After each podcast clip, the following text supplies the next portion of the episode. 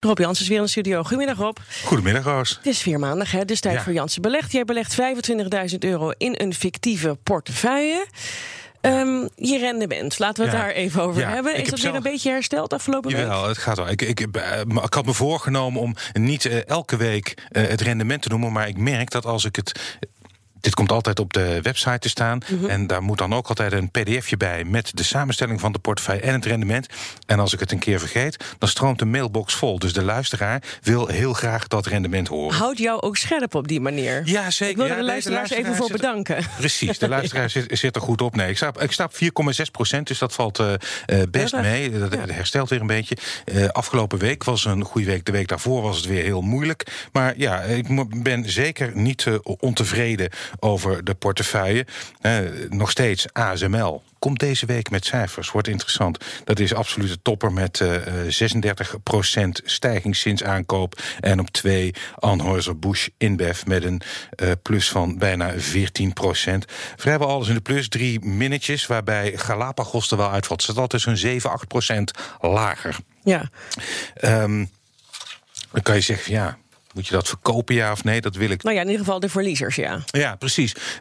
Dan, zou je, en dan, dan komt denk ik Galapagos wel eh, als eerste in aanmerking, maar ik doe het toch niet. Kijk, dit is een biotechbedrijf. Dat is altijd wat riskanter. En er mag zo'n 5 tot 10 procent van je portefeuille mag je in wat meer eh, speculatieve eh, aandelen beleggen. Dat Waarom is dat? Is dat een soort gouden nou stelregel? ja, kijk, eh, kijk je, kan 100% helemaal veilig beleggen en je richten op grote fondsen. Maar als je het leuk vindt om nog een beetje. Eh, kans te maken op bijvoorbeeld groeiers. Maar dus ook hoe groter de kans is op groei, des te groter ook het risico Ja. dat je verlies leidt. En, Galapagos is er zit dus weer zit, eentje. zit voor mij met biotech wel meer in die, eh, in die hoek. Ehm, dat moet je wel beperken. Nu is het zo dat bij de huidige portefeuille, de huidige samenstelling, is het iets meer dan 9% van de portefeuille. Dat vind ik eigenlijk nog wel aan de hoge kant. Maar goed. Dat gaat vanzelf verminderen, want die portefeuille die wordt in de loop der tijd gewoon nog verder eh, uitgebreid. Ja, want even voor de duidelijkheid: 25.000 euro heb je eh, in je portefeuille zitten, maar je hebt nog niet alles. eh, Nee, ik heb nog 11.000 euro heb ik, te besteden. Ja, Ehm, dat is nog aardig wat. Dus dat is nog aardig wat. En ja, dus ik, ik heb inderdaad nog best wel wat te kiezen. En je hebt, je hebt een hele hoop al gekocht natuurlijk, Ja. maar nog niks verkocht, hè, toch? Ik heb nog niks verkocht. Nee, absoluut niet. En dat gaan we dus eh, voorlopig ook nog niet doen. Ik geef Galapagos gewoon de tijd. Ik heel trouw.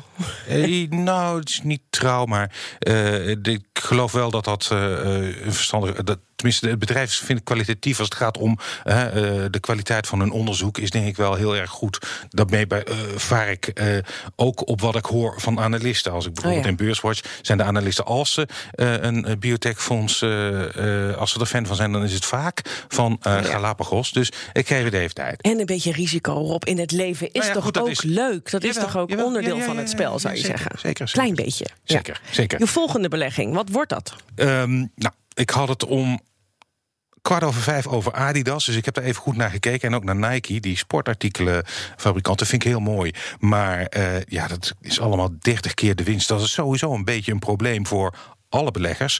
Zijn te Eh, duur om te kopen? het, bijna alles is heel erg duur. Ehm, dus ik denk dat ik me vasthoud aan wat ik eerder heb gezegd. Ik wil gaan uitbreiden in farmacie, gezondheidszorg. Ehm, ik ben naar twee aan het kijken. Afgelopen vrijdag kwam Vagron eh, met cijfers. Vagron zit in de Nederlandse midcap. Het is een Nederlands-Belgisch bedrijf en is toeleverancier voor apothekers. Zowel grondstoffen om geneesmiddelen te maken als eh, eh, instrumenten. En dat heeft erg goede cijfers laten zien. Ehm, en dat vind ik interessant. Is niet Ja. peperduur. En ehm, verder kijk ik naar GlaxoSmithKline. Dat is een grote farmaceut. Oh groot. En ehm, daar kijk ik ook nog naar. Hak je deze week de knoop door? Ja, zeker. Ja, ja. Volgende week heb ik iets nieuws gekocht. Dankjewel, Rob.